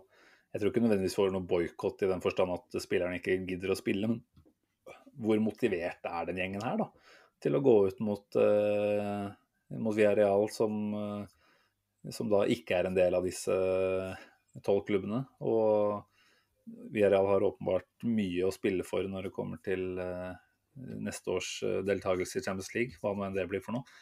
Eh, mens Arsenal da egentlig har fått signalisert fra, fra toppen i klubben at eh, Champions League er uansett ikke noe vi har planer om å være med på. Så dere spiller egentlig bare for Europaligatrofeet, som OK, ikke noe disrespect, det er et trofé, men vi må jo være ærlige når vi sier at den største premien her er kanskje å få Champions League-deltakelse, da. Eh, nei, jeg er veldig, veldig spent på hva som blir tenkt og kommunisert innad i klubben. Eh, og han Charles Watts på Twitter skrev vel tidligere i dag at det var en hektisk dag eh, i klubben, hvor eh, ikke Stan Cronky, men Vinay Venkatesham eh, var den som eh, sto for eh, kommunikasjonen. Så du er vel ikke overraska kanskje der, når, når, du får høre hvem som dukker unna nok en gang? Nei, det jeg vet ikke om jeg har lyst til å kommentere nei, det. Nei, du kommenterte det kanskje nok i stad, så det, det får holde. Ja. Men men at spillere og trenere her på en måte ikke har blitt hørt, det, det er jo kanskje noe som borger for litt mer storm enn det, enn det eierne hadde sett for seg. Da. Jeg vet ikke om de Jeg snakka litt om det i stad. Har de undervurdert, eller har de tatt med alt inn i betraktning? Det kan rett og slett at de er på en helt annen planet, hvor fokuset deres ikke er annet enn penger. Og derfor har de blitt litt blinde.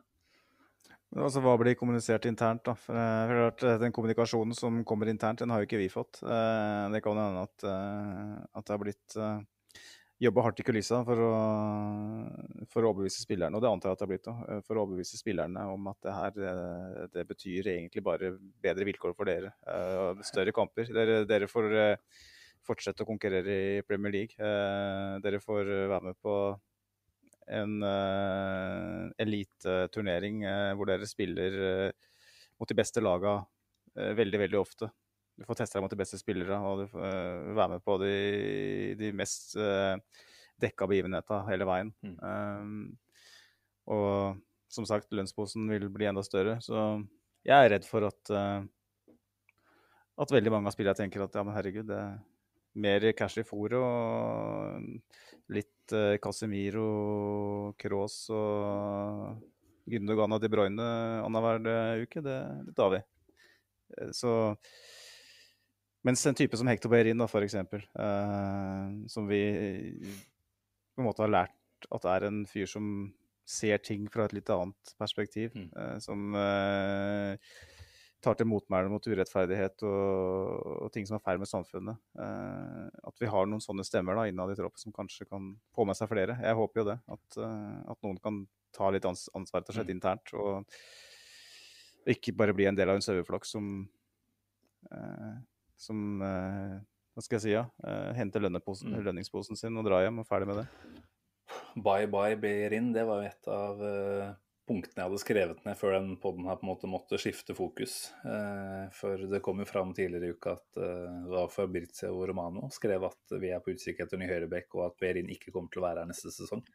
Og så har jeg på en måte tenkt det er jo egentlig greit, med tanke på at eh, utviklinga har vært som den har vært, og han sikkert hadde hatt godt av et skifte. Men den siden du omtaler her, den siden av Behrin, den kommer jeg jo til å savne noe inn i helvete hvis vi mister. Og altså, jeg, jeg skal ikke begynne å konspirere og tenke at det er en sammenheng her.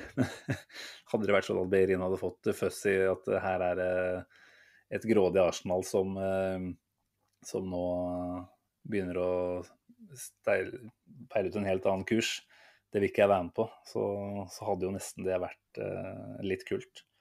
Men uh, nei, jeg tror uh, ja, jeg vet ikke om vi kan sette vår lit til at det er enkeltspillere som på en måte skal være med å, å gå imot her. Eh, som du sier, de, de har vel også noen insentiver til hvorfor dette her kunne vært helt OK å, å bli med på.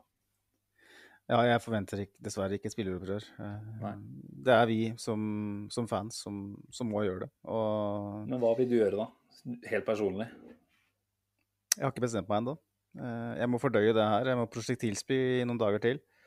Eh, Sånn at jeg kun har magesyre igjen, Mm. så jeg kan tenke klart.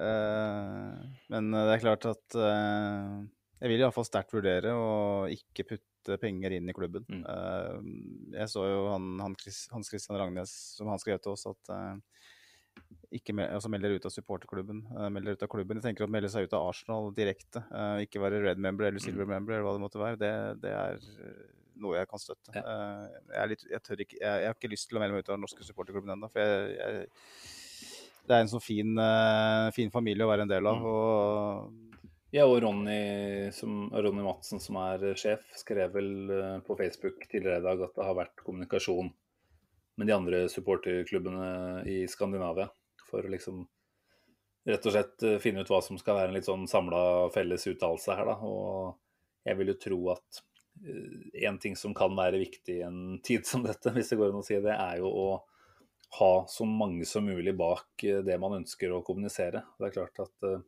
hvis det nå blir eh, frafall de luxe fra den norske supporterklubben til Arsenal, så, så kommuniserer jo det åpenbart eh, noe tydelig, det også. Men jeg tenker at hvis Mm. det er sånn at Arsenal eh, Norway da utad framstår som kritiske, dette her ønsker vi ikke, så tenker jeg det er stor verdi at vi er med på det alle sammen. Så jeg vil vel heller si at det er noe jeg håper folk ikke gjør. Og at man i hvert fall har god, godt med is i magen der og, og avventer en god stund før man skulle gått til et sånn type skritt. Da. Og det er ikke noe Stan Cronky heller ville profitere eller ville tatt skade av. Det er, ikke, det er ikke der penga ligger. Det er, penga ligger i at vi ikke går på kamp. At vi ikke eh, kjøper supportereffekter. Og dessverre kanskje òg ikke kjøper eh, TV-pakker. Og det er kanskje det vanskeligste Mm. eh, å ikke skulle gjøre. Og ikke se kamper, det er nesten uavhengig av hva Arsenal er neste sesong. Det, Ulovlig streaming! Veldig, ja, det er, det er nok sannsynligvis løsningen da, ja. Men uh, det er liksom jeg, jeg, Det kommer til å krasje alle servere hvis det blir en greie. Men uh, det er vet ikke, Du sa vel kanskje noe om hva du tenkte i stad, Simen? Jeg husker ikke. Ja, jeg var vel inne på det i forhold til i hvert fall ikke kjøpe nye drakter. Altså, nå har jeg jo sett at det kommer et par ganske ålreite drakter til neste år, så jeg kommer sikkert til å la meg friste. Men eh, altså, jeg vet ikke igjen, Hvis vi skal begynne å regne på de 800 kronene, hvor mange av de går til Cronky direkte, liksom, så er det sikkert ikke ekstremt mye. Men, men alt dette er med på å bygge opp under investeringen hans, da, og at det er noe som fungerer eh, like godt etter en sånn her type avgjørelse som, oss, som før. Og jeg tenker det er hvordan skal man si ifra? Altså, hvis jeg ikke kjøper drakt, så spiller det ikke noen rolle. Men hvis 100 millioner Arsenal-fans dropper å kjøpe drakta, så vil det åpenbart eh, bli ganske synlig, da. Så ja. det er ikke så veldig mange virkemidler man har, kanskje. Eh, så det blir i hvert fall et åpenbart eh, et for meg, da. Og så er det mulig å bruke penger på Arsenal uten å kjøpe noe direkte av klubben. Du kan gå på eBay og kjøpe uh, drakta fra 90-tallet. 90 ikke sant? Du kan, bruke, du kan, kjøpe av The Matchday Shop som ligger ved Emirates, ja. som jeg gjorde da jeg kjøpte bilde av Wenger, signert bilde av Wenger her for uh, noen uker siden. Hyll historien. Uh, sant? Du kan støtte Tollington som sliter om dagen. Det er vel en petition ute på Facebook-siden der også. gå inn og donere noen kroner der istedenfor. Mm. Helt riktig. Mm. Jeg gjør gjerne det.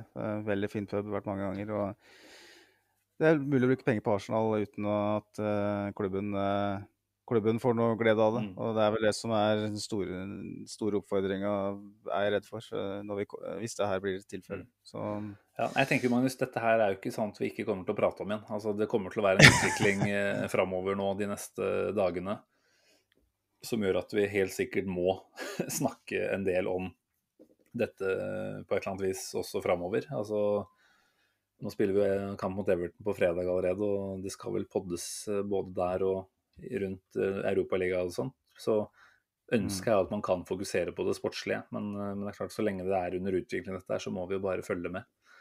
Og, og gjøre opp nye tanker underveis. Jeg tenker det er jo en ting vi som fotballsupportere kanskje ikke alltid er så gode til. Det er å være, altså, tørre å endre mening. Altså tørre å ha sagt én ting, men så kommer det ny informasjon, og så går det an å tenke seg om en gang til før man uh, eventuelt uh, tenker at nei, kanskje det er en litt annen tilnærming det går an å ha her.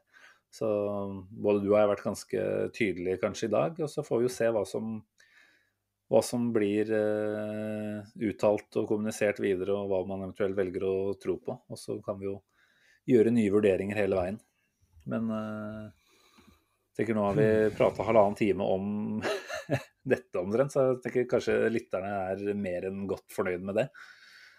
Eh, hvis det ikke er noen sånn åpenbare punkter du mener at vi ikke har vært innom, da. Nei, det, det er jo uh, Som du sier, en situasjon under utvikling, og den podkasten kan være utdatert allerede i morgen. Så jeg tenker at vi får eh, forte oss å bli ferdig. Se, vi har en X-spillerspalte som kommer opp. Heldigvis noe som er eh, normalt. ved ved livet som Arsenal Station-lytter, får jeg si. Og så får vi bare få det podkasten der ut i eteren så fort som mulig, tenker jeg. Men sånn at, uh, at den rekker å være aktuell. Mm. Sånn, sånn. Nei, jeg har ikke noe annet å tilbringe kvelden min med, så for min del kunne jeg egentlig ha prata lenge. Men, men, når du frister med X-spillerspalte, da, da, er jeg egentlig villig til å kutte alt av prat som omhandler Arsenal på aktuelle temaer, og så kan vi heller spole litt tilbake og høre hvem du har å dra på hatten i dag. Han ble stadig liggende og vri seg i gresset etter hodedueller. Vi gjorde grundige undersøkelser for å finne ut hvorfor det skjedde igjen og igjen med en så tøff spiller. Til slutt fant jeg årsaken. Han var for lett, og vi måtte bygge ham opp. På denne tiden var han vegetarianer, så jeg beordra ham til å spise kjøtt. Ja, kanskje burde Miquel Arteta følge en av sine forgjengeres eksempel og beordre Hector Beirin til å hugge tanngarn ned i et realt kjøttstykke? Vel, vi får nok verdsette det faktum at Beyerin får velge selv. Men dagens X-spiller skal etter sigende ha forvandla seg fra en høvelflis til en julegris, for å sitere et velkjent danseband. Dette blir også den siste dansebandreferansen i denne presentasjonen, så du kan trygt lytte videre. Og når vi snakker julegris, snakker vi et gjennomført villsvin som tok for seg på Arsenals venstrebekk i mer enn et tiår. Så godt trent var han at han supplerte lønningsposen med en ekstrajobb som modell. og på denne tiden var det langt færre som livnærte seg av posering enn hva tilfellet er i dag. På banen var han beintøff og intens. I en tid hvor sidebekker primært var forsvarsspillere, og begreper som wingback og overlapp var mer sparsommelig benytta, fulgte Arsenals jernbane stillingsbeskrivelsen til punkt og prikke. I moderne tid ser vi nostalgisk tilbake på Cristiano Ronaldos stadige opphold i Ashley Coles shortslomme. Vår tids beste venstreback hesebleste som en gneldrende kjøter rundt en rådvill verdensstjerne. Sånn skal det også ha vært med den, an, med den avvente vegetarianeren som før krigen tilbød losji i lomma på bermudashortsen til spillere som sir Stanley Matthews. Men datidens store stjerne i Kirin Tierneys posisjon var langt mer enn bare tøff og intens. Ifølge tidsvitner ville den, ville den karakteristikken nesten være en fornærmelse. Han har en autoritet og ro i spillet sitt som er beundringsverdig. Han har analytiske ender for banen og er vårt beste eksempel både når det gjelder tekniske ferdigheter så vel som oppførsel utenfor banen. Denne skamrosen stammer fra assistenttrener Bob Wall, og han var ikke den eneste som lot seg bergta. Manager George Allison utnevnte dagens X-spiller til klubbkaptein etter at selveste Alex James, datidens Dennis Bergkamp, forlot klubben. Med tanke på at dette skjedde i Arsenals virkelige gullalder, med et flust av legendariske typer, er det en tillitserklæring av det sjeldne. I sin første sesong som kaptein leda han The Gunners til, sin femte ligatriumf på åtte sesonger. På denne tida ble det spilt 42 ligakamper per sesong, og den analytiske bekken spilte mer enn 35 kamper i hver eneste av disse. Åtte sesongene, altså. Hans lederevner ble også lagt merke til av den engelske landslagsledelsen, og som 25-åring i 1933 ble han utnevnt til landslagskaptein. Dette var da fire år før han fikk kapteinspinnet på Highbury. Med 20 kamper som kaptein for Free Lions er han den Arsenal-spilleren gjennom tidene med flest kamper som kaptein for England. Til sammenligning har Captain Fantastic, Tony Adams, båret det berømte bindet ved 15 anledninger. I hele seks år var dagens X-spiller kaptein for kjempers fødeland. Og hadde, ikke, og hadde, det vært tilsvarende like mange irriterende landslagspauser den gangen som nå, hadde antall kamper vært et skyhøyt tall. I tillegg var det utbruddet av andre verdenskrig som var årsaken til at hans gjerning som kaptein ble avbrutt i 1939. Så det er grunn til å tro at han kunne pyntet ytterligere på statistikken, hadde det ikke vært for menneskehetens evige maktbegjær. Krigen skulle også signalisere slutten for hans glansdager i Arsenal. Selv om han, i tillegg til å tjene i det britiske luftforsvaret, rakk å spille uoffisielle kamper for både klubb og landslag, var selvsagt fokuset rettet mot å bekjempe Hitlers spesialiteter. Det var også i løpet av disse årene forholdet mellom han og Arsenal surna. Klubben insisterte på å låne han ut til byrival Chelsea mot slutten av krigen, noe som ikke falt i god jord. Motvillig ikledde han seg imidlertid den blå skjorta og det vites ikke om han holdt på å kjøre av veien i sinne da overgangen til en av Londons mange lillebrødre nærma seg. Der Ashley Cole trampa klampen i bånn og krevde en overgang til Rubelens høyborg, var 30-tallets vekststjerne dypt fornærmet av å måtte fornedre seg til å spille i blått. Det kan man lett forstå. Og i motsetning til Ashley Cole er dagens X-spiller en ekte Arsenal-legende. Da han offisielt forlot klubben etter at, de, etter at, de, allierte triumferte i Europa, kunne han se tilbake på 440 kamper, fem ligatrofeer, to FA-cuptrofeer og flere år som klubbkaptein for datidens store fotballdynasti i engelsk fotball. Klubbens kanskje beste og mest betydningsfulle sidebekk gjennom tidene heter Eddie Hapgood og er en av klubbens virkelige storheter. Wow, for et tilbakeblikk, Magnus. Og for en spiller å dra opp av hatten, da. Dette er jo en av de aller, aller største, og en som jeg på en måte nok en gang bare har bladd litt forbi. ikke sant? Når du scroller deg gjennom Arsenals eh, storheter opp gjennom eh, årtiene og kommer over navnet, noterer seg det kanskje så vidt, Også, og dette er jo flaut å innrømme, ikke sant? men da egentlig ikke har noe særlig kjennskap til. da. Dette er eh, rett og slett viktig eh, lektyre for min del, Magnus. Så hva du sa eh, Kaptein på Herbert Chapmans lag i åtte sesonger, var det du sa?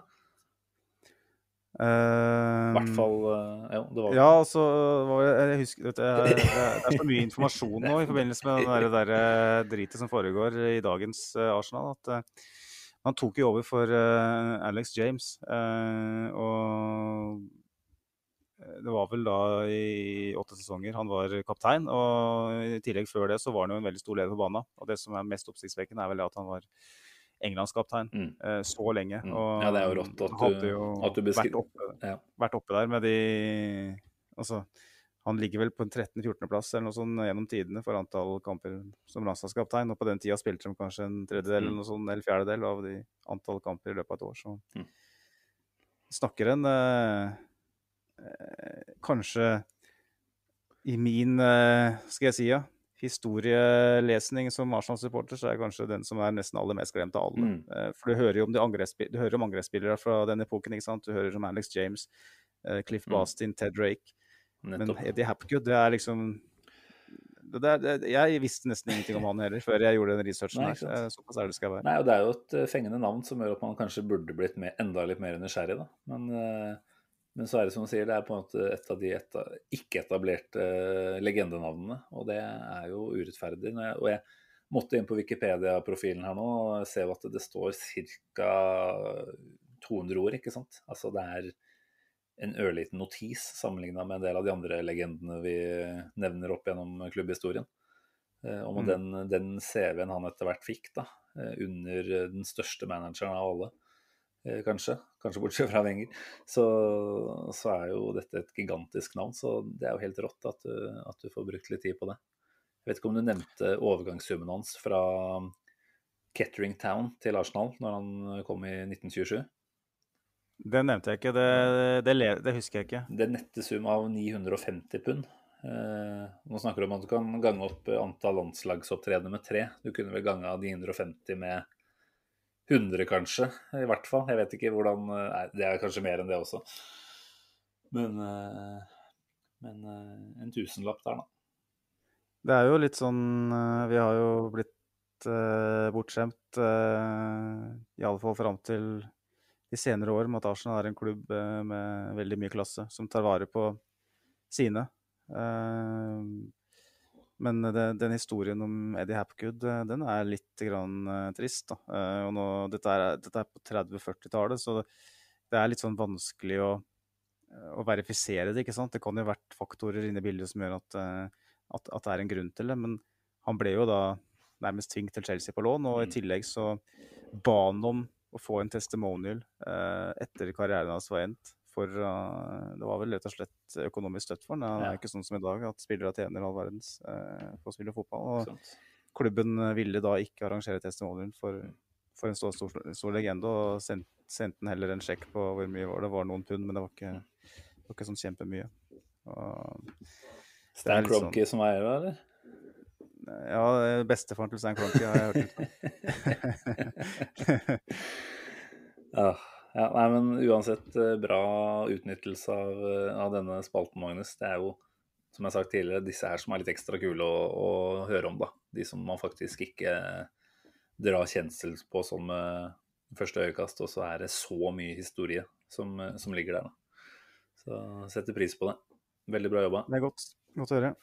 Og det vet jo at eh, flere lyttere gjør også, så de som, eh, de som holder med oss hele veien her, de får en skikkelig rosin i pølsa på slutten. Så det er bare å, å nyte. Snart er det ikke mer pølse igjen, så det blir bare rosiner. For det, hvis vi ikke skal snakke om eh, nåtidens Arsenal, så må vi jo bare snakke om det som var før, da. Så da får det bli en eh, nostalgipodkast, det her. Ai, ai, ai. Jeg er Tårevåt, jeg nå. Men eh, nei, vi får eh, Jeg vet ikke om vi skal ta så mye preview på fredagskampen. Det er jo litt sånn som vi snakka om før sending, at fotballkamp, og kanskje især akkurat Premier League akkurat nå, da, eh, føles litt meningsløst. Så jeg vet ikke om både den kampen og via realkampen er så veldig mye å, å bruke tida på. Jeg kan i hvert fall si at vi har en plan om å få med Det er faktisk nyhet for deg òg, Magnus. Eh, Petter Wæland blir med som en liten preview-podkast eh, til eh, Via Real på torsdag om 10-11 dager. Så, Ja, konge, konge. så da får vi mye, mye ekspertise fra den kanten, i hvert fall. Men, men vi skal i hvert fall tilbake på lufta om en snau uke, tenker jeg. Vi får se når det blir. Om det blir lørdag eller søndag. Eller. Vi spiller i hvert fall fredagskamp mot Everton. Så vi har, eh, vi har eh, litt eh, helg som vi kan slå i hjel med podding også neste gang.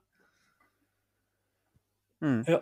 I mellomtida så er det bare å ikle seg konduktøruniform på, uniform og drikke absint. Og nyte den nye tilværelsen som Arsenal-supporter, tenker jeg. Og, eller stasjonslytter. Så får vi bare håpe at vi er et helt annet lynne når i alle fall når vi skal spille semifinale i en europeisk eh, cup. Ikke sant? For hvor mye gleder man seg ikke egentlig til sånt? Altså, jeg begynte allerede å liksom drømme om kan det være sånn at vi får en altså Nå driver jeg og forskutterer her, men hvis vi skulle gå til en finale, kunne det vært muligheter for å få til en slags eh, samling à la Europaligafinalen i, i 2019, ikke sant? Eh, Og så kjenner man jo at Bryr jeg meg like mye nå som jeg gjorde for en eh, dag siden? Eh, Er det sånn at jeg bare må riste av meg sjokket her, og så er vi tilbake igjen til eh, normal eh, tankegang etter hvert? Det, det vil jo de neste dagene gi oss svar på. Og forhåpentligvis får vi svar på en del annet også. Så jeg tipper vi kommer innom mange av de samme temaene også i, i neste pod, men da håper jeg at vi kan snakke om en, om en deilig 3-0-seier mot, mot Everton. Nå er vi jo omtrent uh, uten spisser, med tanke på at Aubameyang fortsatt er malaria Kanskje ikke syk, men i hvert fall har ettervirkninger. Og Lacassette uh, fikk jo dessverre en hamstringskade nå sist. Så vi får bare la unggutta slå seg løs på fredag kveld, forhåpentligvis. Spiller ingen rolle, gjør det da. Vi er i, vi er i Superligaen uansett.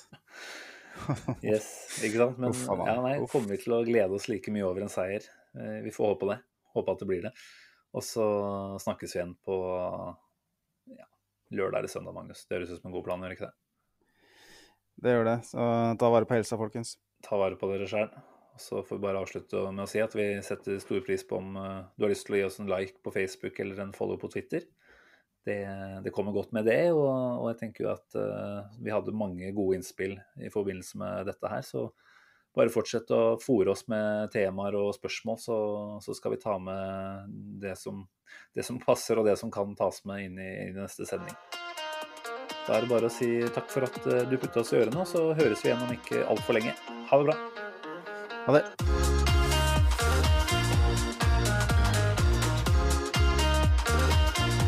This train terminates here.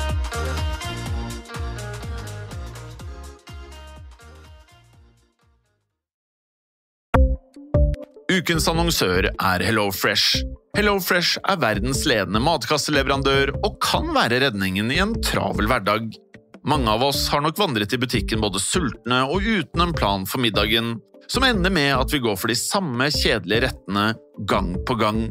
Middag burde være dagens høydepunkt. Som HelloFresh kan du nå velge mellom 25 ulike retter hver eneste uke, eller få HelloFresh til å sette sammen menyen for deg. Dette gir deg muligheten til å prøve nye og spennende retter alene eller sammen med familien. Du velger antall porsjoner og får alt levert på døren på et tidspunkt som passer for deg. Oppskriftene er enkle, og maten er lett å lage både for store og for små. Ved å få alt levert hjem får du også mer tid til å dele matgleden med familie og venner. Kanskje det frister med asiatiske tacos eller greskinspirert kylling? Da kan jeg anbefale deg om å gå inn på hellofresh.no. Her kan du bruke koden FOTBALL og få opptil 1779 kroner i rabatt på de første fem matkastene hvis du ikke har prøvd HelloFresh tidligere.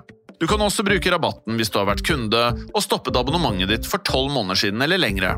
Gå inn på hellofresh.no og bruk koden FOTBALL. Har du et enkeltpersonforetak eller en liten bedrift? Da er du sikkert lei av å høre meg snakke om hvor enkelt det er med kvitteringer og bilag i fiken, så vi eh, gir oss her, vi. Fordi vi liker enkelt. Fiken superenkelt regnskap.